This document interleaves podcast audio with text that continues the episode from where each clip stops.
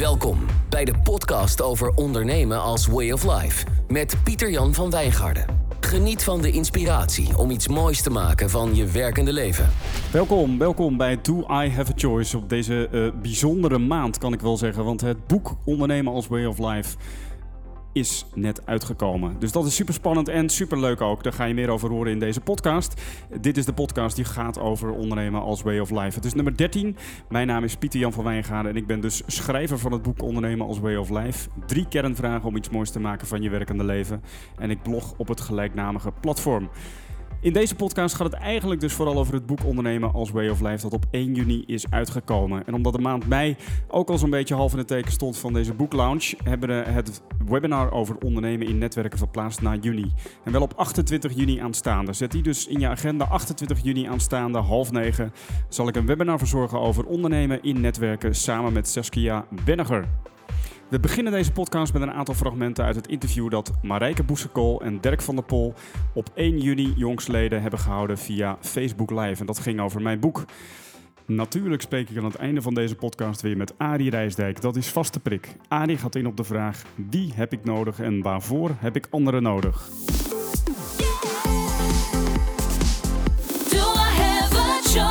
Wat was dat tof. Het interview dat Dirk en Marijke met mij hadden over het boek Ondernemen als Way of Life op Facebook op 1, 1 juni jongsleden.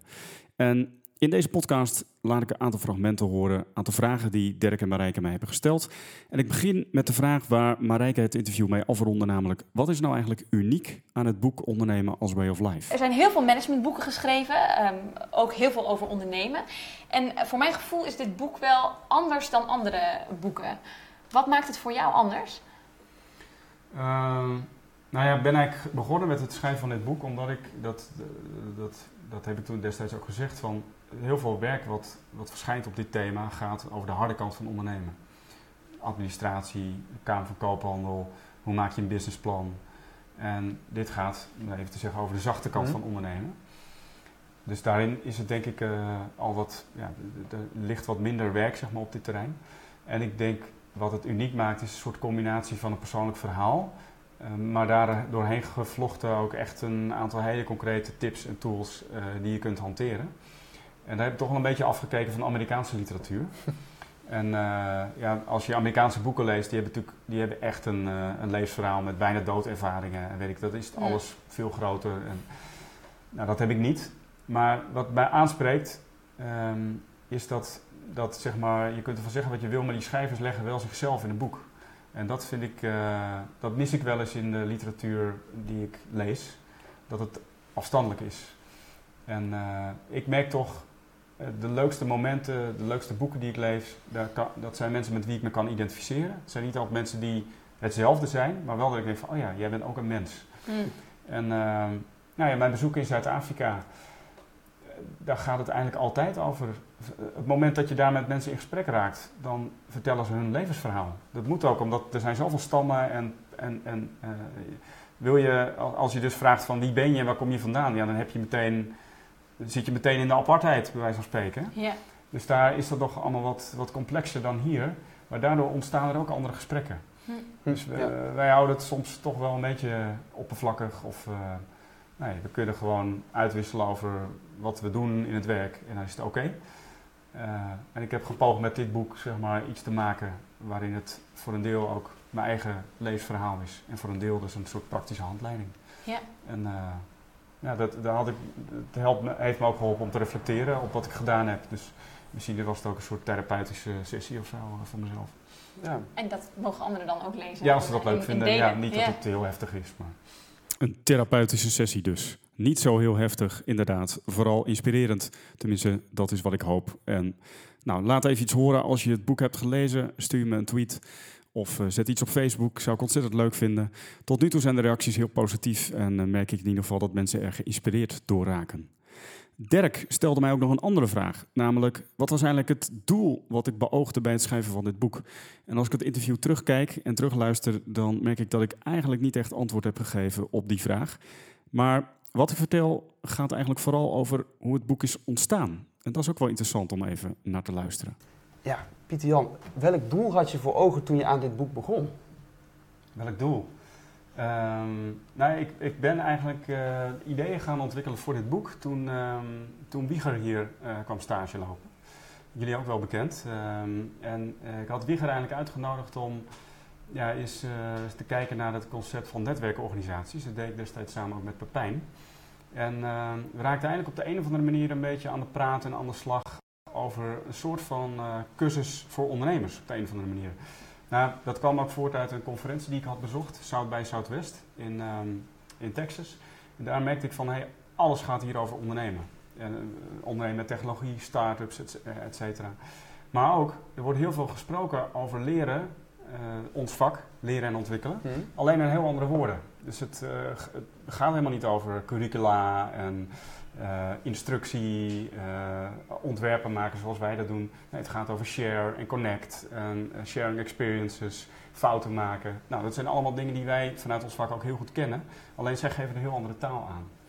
Dus ik was met Wieger bezig tijdens zijn afstuderen aan ja, een soort curriculum voor zo'n leergang ondernemen. En toen was dat uiteindelijk klaar en toen dacht ik van, hey, dat lijkt wel de inhoudsopgave van een boek.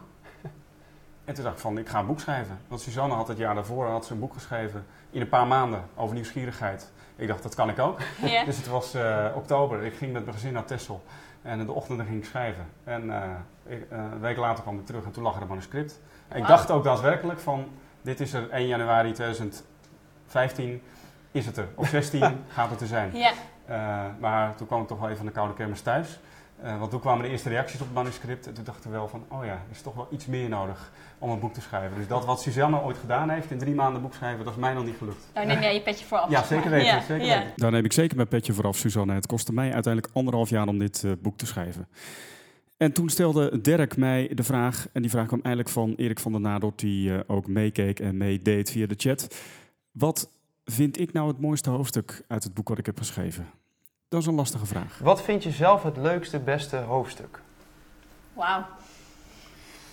Oei, dat is wel echt een lastige vraag, ja. Je kunt ook altijd kiezen om te parkeren als je hem heel lastig vindt, maar goed. Want er zijn nog meer vragen volgens mij. We nou ja, uh, uh, dat laatste hoofdstuk is natuurlijk best wel heel persoonlijk. Maar hm. vind ik wel, dat vond ik wel het spannendste eigenlijk om te schrijven. En ook om, uh, ik wilde wel mijn boek afsluiten met, met gewoon een persoonlijk verhaal. En niet met een soort leeg, lege tip of zo. Hm. En toen dacht ik, toen ben ik gaan schrijven en, dat hoofdstuk is wel in het, uh, is in een soort flow ontstaan waar, wat ik ook best spannend vond. Dus uh, ik denk dat ik dat uiteindelijk het mooiste hoofdstuk vond. En daar is ook nog heel veel aan veranderd. Ja. Maar dat vind ik een mooie. En sowieso die persoonlijke verhalen waren, waren erg leuk om te schrijven. En uh, ja, dus dat denk ik. Uh, dit, het, het hoofdstuk over Desanne van Brederode over geluk, zeg maar. Dus geluk valt je toe. Mm -hmm. vind ik ook heel mooi. Vind ik ook een prachtige uitspraak. En uh, de bronnen waar ik naar verwijs, zeg maar, een, uh, een stuk van Stine Jensen, maar ook van Desanne Brederode. Dat vind ik ook gewoon heel mooi, mooi materiaal. Dus dat vind ik ook een erg mooi hoofdstuk. Dat is hoofdstuk 2 geloof ik, of hoofdstuk 3. Ja, toen we ook in de, in de voorbespreking van hè, deze uh, talkshow waren, toen zei je ook dat, dat uh, je het laatste hoofdstuk ook heel erg mooi ja. vond. Hè? Ja, voor mij was het een hele mooie afsluiter om eigenlijk... Je hebt natuurlijk al in verschillende hoofdstukken iets persoonlijks gedeeld, waardoor je echt het idee hebt van, hé, hey, ik sta echt ook in contact met de schrijver. Ik, ik, leer hem meer kennen dan alleen de tips. Maar het laatste hoofdstuk was wel echt een uh, bijzonder einde. Ja. Wat maakt het voor jou belangrijk om, om juist dat te delen met je lezers? Nou omdat het, het raakte voor mij wel eindelijk kern waar het over ging. Dus uh, voor mij schrijft dat ook. Ik zou kunnen vertellen over projecten die ik heb gedaan of wat dan ook. Maar uh, in deze momenten, het gaat over de overlijdens van, uh, van vrienden van mij. dat er echt iets ergs gebeurt. maar eigenlijk in, dat ik in die situatie toch iets merk van er gebeurt iets ergs. En dat bij mij gebeurt dan een soort tegenreactie. Van, en, en daar, en ik wil de regie houden of zo. Dus niet dat ik het idee heb dat ik kan managen, maar bijna om uh, gewoon het leven te vieren, zeg maar. En uh, te zeggen, oké, okay, uh, laat het maar gebeuren, maar ik, ga, ja. ik hou gewoon stand of ik blijf mijn spoor volgen. Ja. En ik, wil, ik wil juist in die situaties ook dingen doen die ik belangrijk vind. Ja. Dus ja, mensen ontmoeten. En dan moet ik soms ook even ja, over een bepaalde schroom heen van mezelf. Van, goh, kan ik dat wel maken nu in deze tijd? Uh, uh, iemand bellen of naar iemand toe gaan. En dan denk ik van ja, toch maar gewoon doen. Ja. En uh, Ja. want ik, Ja. ik hou de regie, ik vind het belangrijk. En va- vaak is dat dus heel fijn. Ja. Ja, dat regie houden is ook echt een belangrijk thema wat in het boek steeds Ja. terugkomt. Regie nemen, dat deden in ieder geval Marijke en Dirk heel erg goed. Ze hadden ook nog een aantal gasten uitgenodigd voor deze talkshow. Die eh, op afstand ook aanwezig waren. En een van hen was Esther Peters. En zij stelde mij de vraag hoe mijn eigen ondernemersreis eigenlijk is begonnen. Eh, de vraag die ik jou graag wil stellen is: hoe hebben jouw eerste stappen als ondernemer eruit gezien? En welke concrete tips wil jij jong professionals, die hopelijk nu allemaal aan het kijken zijn, meegeven? Ik heb eigenlijk ja, tot en met mijn studie nooit echt naar mezelf gekeken als ondernemer. Ehm, en eh, eigenlijk begon dat, dus dat beschrijf ik ook in mijn boek, het contact met Jozef Kessels. Eh, destijds mijn hoogleraar en later mijn collega. eh, initiator van dit bureau, van Kessels en Smit. En op een gegeven moment nodigde hij mij uit om bij Kessels en Smit te komen afstuderen. En toen had ik een heel leuk gesprek met Ans en met Paul Keursten. En ik weet nog goed dat ik wegliep hier van de Malibaan, zo bus 3 was dat destijds naar het Centraal Station. En dat ik echt dacht van ja, dit is, gaat wel een keuze zijn. Want eh, toen was Kessels en Smit al anders georganiseerd. En ondernemerschap lag er toen nog niet zo bovenop als nu. Ehm, maar wel eigenaarschap. En, eh, ja, ik, wist wel van als ik hier aan de slag ga, ga ik niet onder een baas werken. Hm. Dus ik ga niet in de positie zitten ehm, van je hebt een baas en die zegt wat je moet doen. Dan doe je je taak en dan ga, ga je weer terug. Ja. Waarvan ik eigenlijk dacht dat het is best relaxed. En Ja. misschien, dat is denk ik ook wel relaxed als je gewoon werk doet naast je studie. Dan hoef ik niet zoveel over na te denken. Maar op een gegeven moment... Dus ik dacht van ja, wat wil ik nou? En toen dacht ik van nou, ik vond dit zo leuk. Ik vind dit ge- gesprek zo leuk. De kans op afstuderen vind ik heel leuk. Dus ik ga dit experiment gewoon aan. En eh, toen heb ik eigenlijk eh, ja, bij Kessels en Smit eigenlijk leren ondernemen.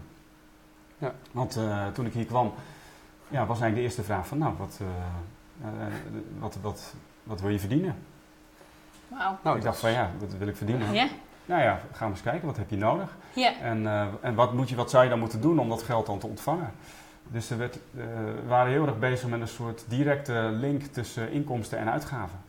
En eh, nou, daar, zat- daar zat ook niet zoveel tussen. Ja, je, je levert een bijdrage ook aan, aan, aan de huur van het pand en de website. En, ehm, dus het was allemaal heel transparant. Zodat je echt zeg maar, wel regie hebt over je eigen inkomsten en je eigen, je eigen tijd, en hoe je je eigen tijd besteedt. Er was niet iemand die zei je moet op dit project of je moet dat doen. Nee, kon je zelf kiezen. Er was veel vrijheid. En dat was eigenlijk iets wat, ei- wat toen wel wat direct bij me paste. Ik dacht van ja, dit, eh, dit is zoals het moet zijn. Dit klopt gewoon. Ja. Volgens mij moet werk zo georganiseerd zijn. Dus toen ehm, ja, ben ik zo eh, eigenlijk verder gerold en uiteindelijk in loondienst begonnen, maar uiteindelijk ook eh, zelfstandig ondernemer geworden bij Kessels en Smit. Dus ja, wat zou ik jonge professionals daarin gunnen? Als ik naar mezelf kijk, zo'n stap zetten, eh, zeg maar zo aan het eind van je studie, aan je begin van, het, van je werkzame leven, die net iets anders is dan wat je misschien altijd voor ogen hebt gehad, eh, dat is, kan denk ik helemaal geen kwaad. Dus op het moment dat je denkt van nou, ik, ik, ik moet bij de overheid terechtkomen of zo. Hè? En, en dat, Hm. ehm, nou, dat kan natuurlijk, daar kun je mooie idealen of eh, ambities of drijfveren achter hebben. Maar op het moment dat je iemand ontmoet die, daar, die ook, die ook eh, een aantrekkelijk perspectief biedt, maar wat wel anders is, ja, zou ik dat echt serieus nemen. Ja. En daarin wel steeds blijven kijken naar wat vind ik belangrijk. Want ik merkte wel, eh, ik vond in Kessels Smit wel een gezelschap wat echt werk deed, wat ik heel belangrijk vond. Namelijk mensen helpen in organisaties om te groeien, om zich te ontwikkelen. Om te ondernemen met je talenten, om je talenten te ontwikkelen en te ontplooien. Ja. Om te kijken naar wat mensen goed kunnen en niet mensen de grond in te boren. Nou, dat zijn allemaal dingen die, waar, waaraan ik wil werken in deze wereld. Dus eh, ja, kijk ook op die manier naar waar je terechtkomt. Dus eh, hou je idealen een beetje in de gaten. Maar sta ook open voor wat zich aandient. Hm. En eh, luister daarin ook wat naar je intuïtie. En zet maar eens een stap die wat ongewoon is. Want vooral op dat moment ja, kun je nog wel eens wat misses maken. Ja, dus het is echt een sprong wagen Ja, en dichtbij blijven Ja. waar jij gepassioneerd over bent. Openstaan dus voor wat zich aandient en tegelijkertijd de regie houden. Wat ik zelf een hele mooie quote vond, is dat je op een gegeven moment zegt ehm, dat je niet in control bent in het leven, omdat er allerlei dingen kunnen gebeuren die er zijn waar je geen eh, grip op hebt. Ja. Maar dat je, het belangrijk is om niet out of control te Ja. raken. Ja. Mooie, ja, die heb ik eh, in de bush geleerd in Zuid-Afrika. Oké, Ja. ja. Ja, dat is eh, onze ranger. die zegt overigens van, weet je, dus wat, wat, we dan doen is een wandeling maken, zeg maar, in de bush. Mhm.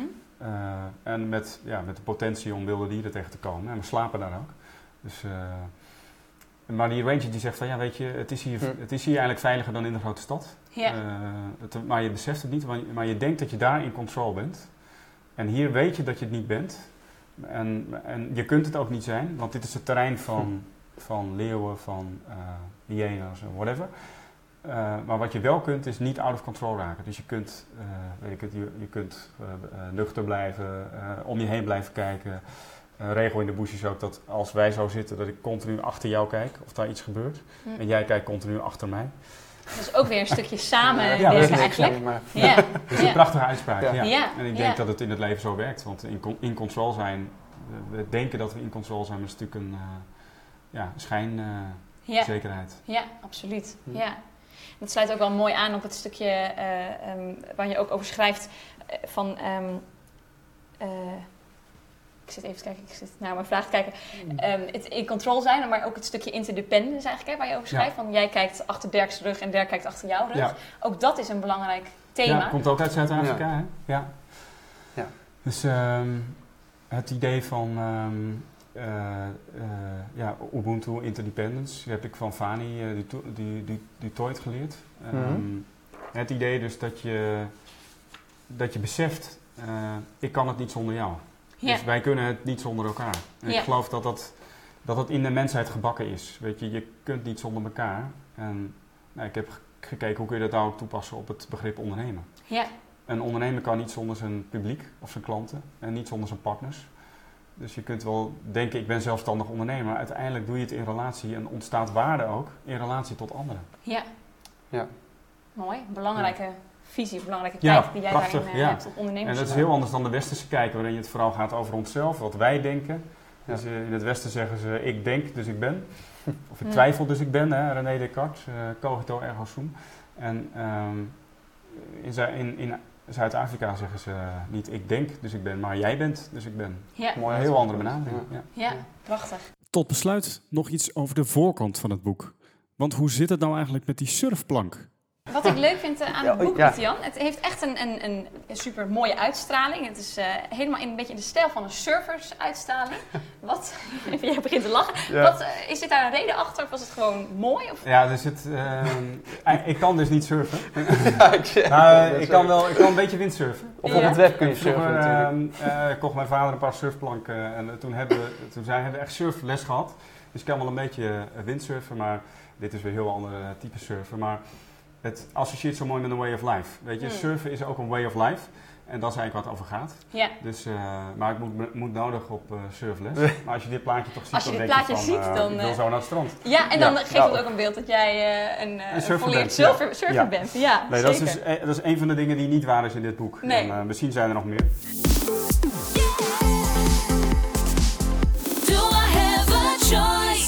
We besluiten deze podcast zoals altijd met het beantwoorden van een ondernemersvraag.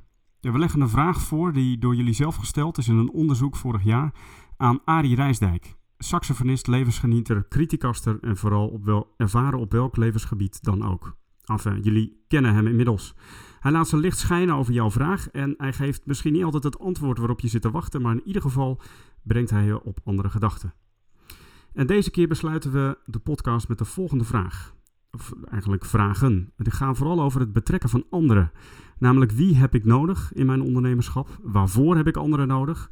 Heb ik überhaupt iemand anders nodig? En als ik dan anderen nodig heb, hoe nodig, die, hoe nodig ik die dan uit? Hoe organiseer ik dat? Nou, het zijn een hoop vragen, Arie. Welkom weer in deze podcast.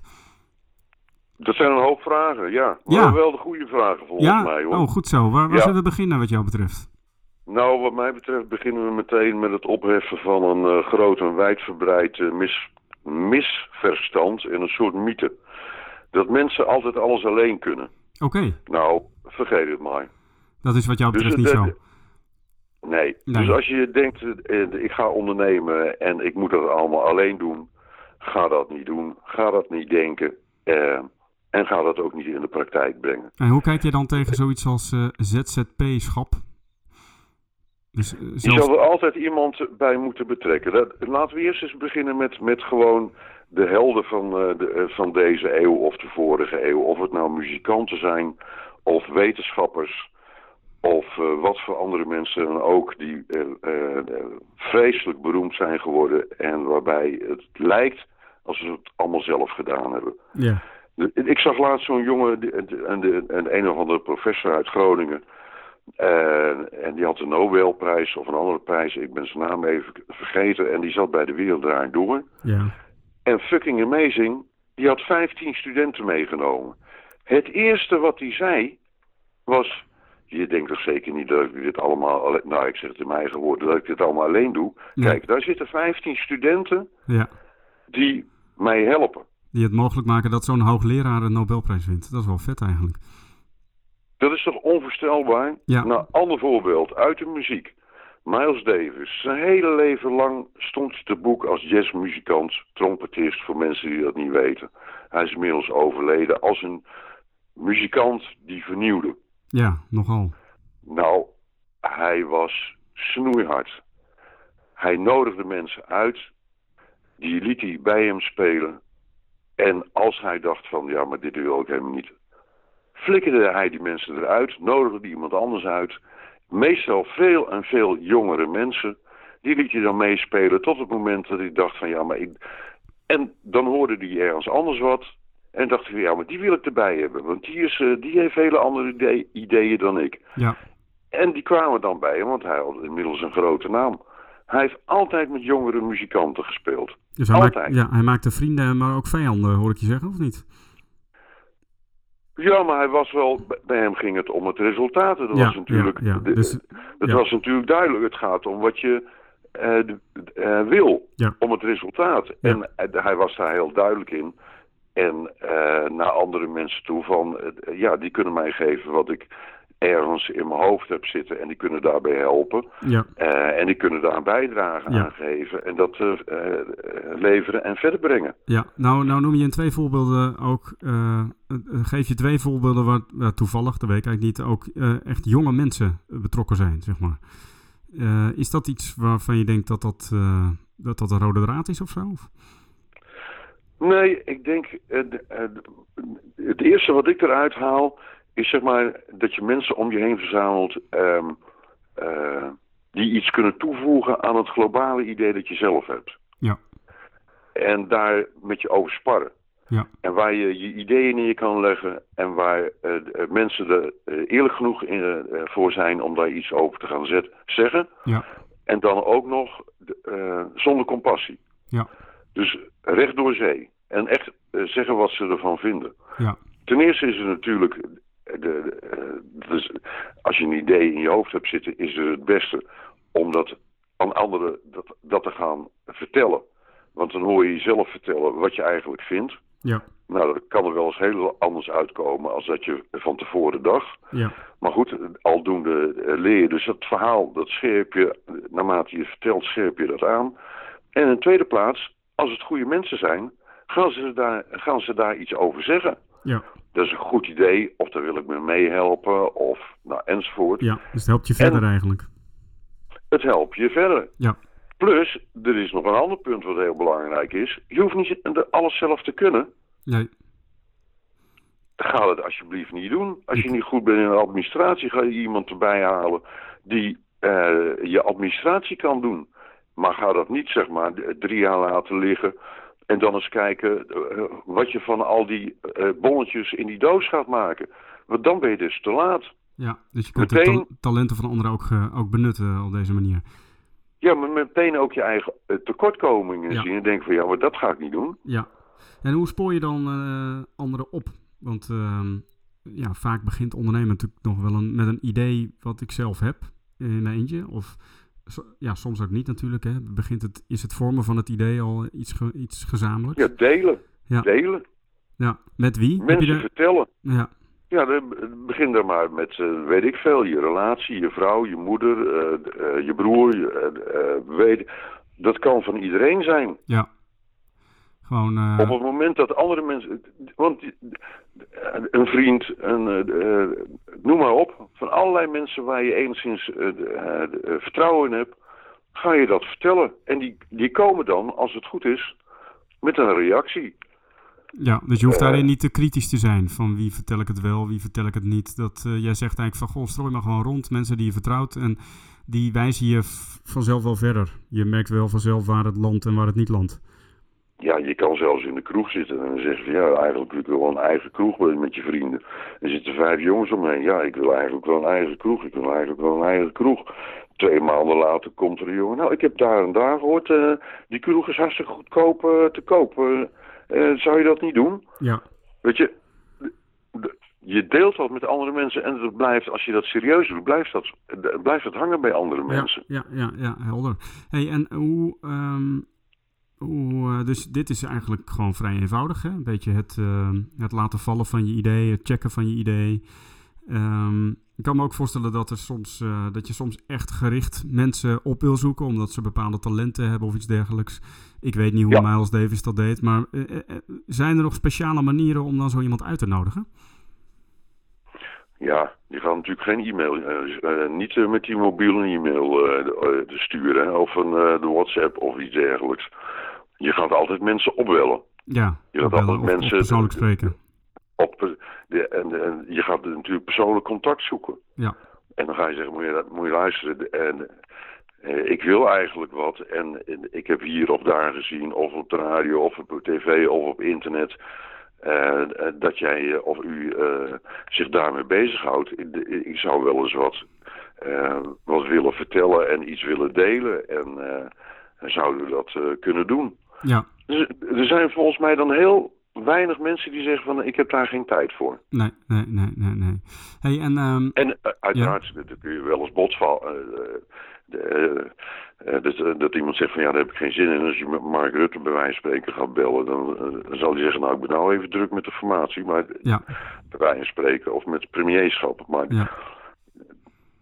Nou, vind ik wel leuk dat je dat noemt, want ik zat zelf nog te denken van...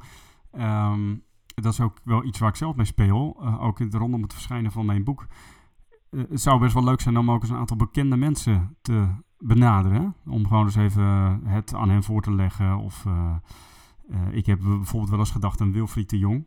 Omdat ik, eh, wat, Ja. ik, wat, ik, wat ik leuk vind aan Wilfried de Jong is dat hij echt heel veel dingen goed kan. Hè? En, en dus wat dat betreft vind ik het echt een ondernemer die niet één ding doet, maar hij maakt radio, hij maakt theater, hij speelt muziek. eh, en ik dacht, het zou wel leuk zijn om hem eens te interviewen bijvoorbeeld. Maar Ja. op de een of andere manier heb ik daar wel schroom bij, omdat ik denk van ja, zit die, zit die man nou op mij te wachten? Of eh, hoe, wat- hoe kijk jij daarnaar? ja, eh, zit die man op mij te wachten? Dat is jouw idee. Misschien zit hij niet op jou te wachten.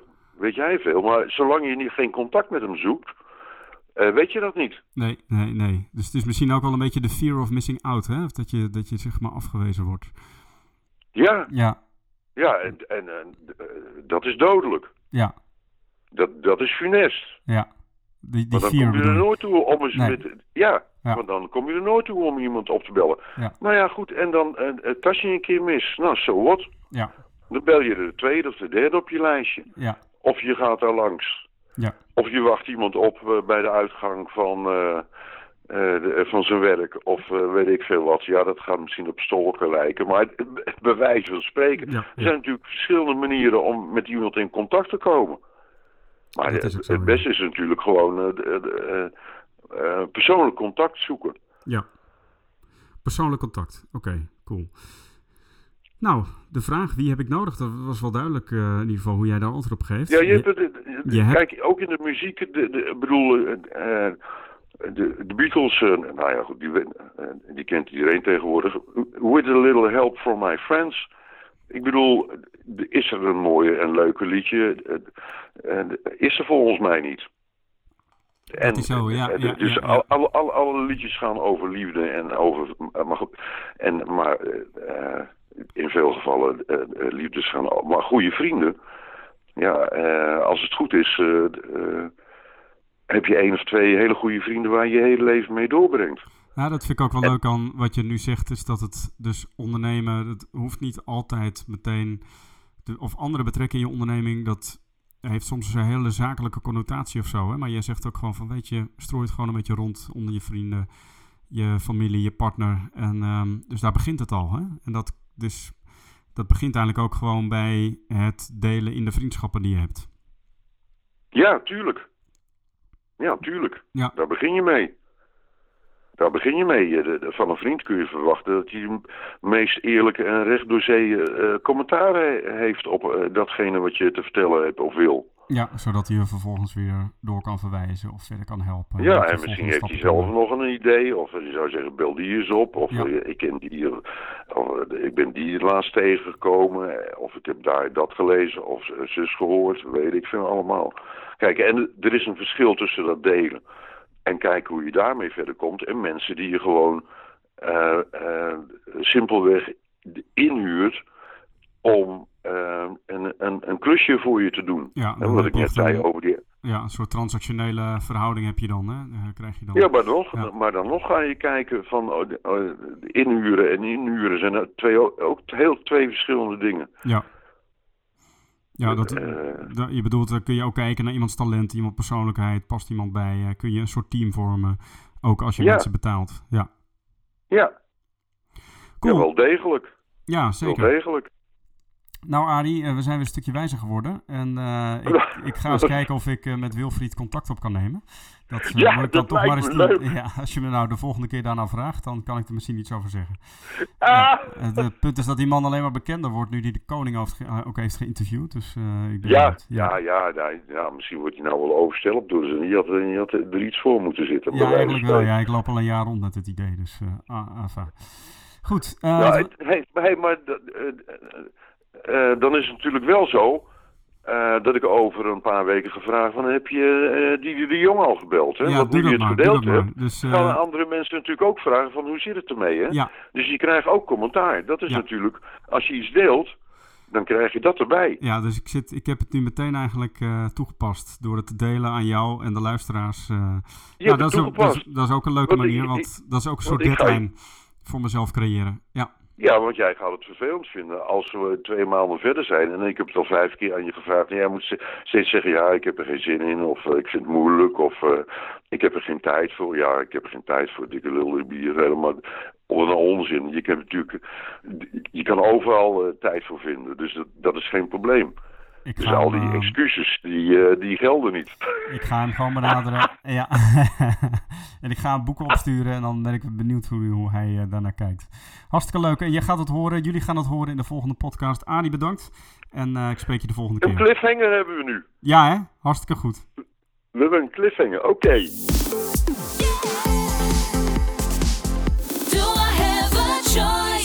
Leuk dat je luisterde naar deze dertiende editie van Do I Have a Choice, waarin we terugblikten op het eh, interview dat Dirk en Marijke met mij hadden over het boek Ondernemen als Way of Life en waarin Arie Rijsdijk zijn licht liet schijnen over een vraag over tijdsbesteding. Ben je geïnteresseerd in het boek Ondernemen als Way of Life? Drie kernvragen om iets moois te maken van je werkende leven. Kijk dan even op de website www.ondernemenalswayoflife.com. Je kunt het boek bestellen op twee manieren, namelijk als e-book en als hardcopyboek. En eh, houd het vooral in de gaten, want er zijn diverse kortingsacties, waardoor je eh, wellicht eh, voor een mooie prijs veel inspiratie tot je kan nemen. In ieder geval de normale prijzen zijn 14,99 voor het hardcopyboek en 5,99 voor het e-book. Blijf ons volgen op Instagram bijvoorbeeld, het ondernemen als way of life. En eh, op Instagram post ik iedere dag een zin uit mijn boek, van voor tot achter. Dus als je het niet koopt en je volgt mij op Instagram, kun je het ook gewoon lezen. Alleen dat duurt het een tijdje. En volg ons natuurlijk op Facebook, daar waar we ook regelmatig live uitzenden. www.facebook.com slash ondernemen als way of life. Ik hoop je weer te ontmoeten tijdens de volgende podcast nummer 14 en misschien tijdens het webinar op 28 juni aanstaande. Veel plezier!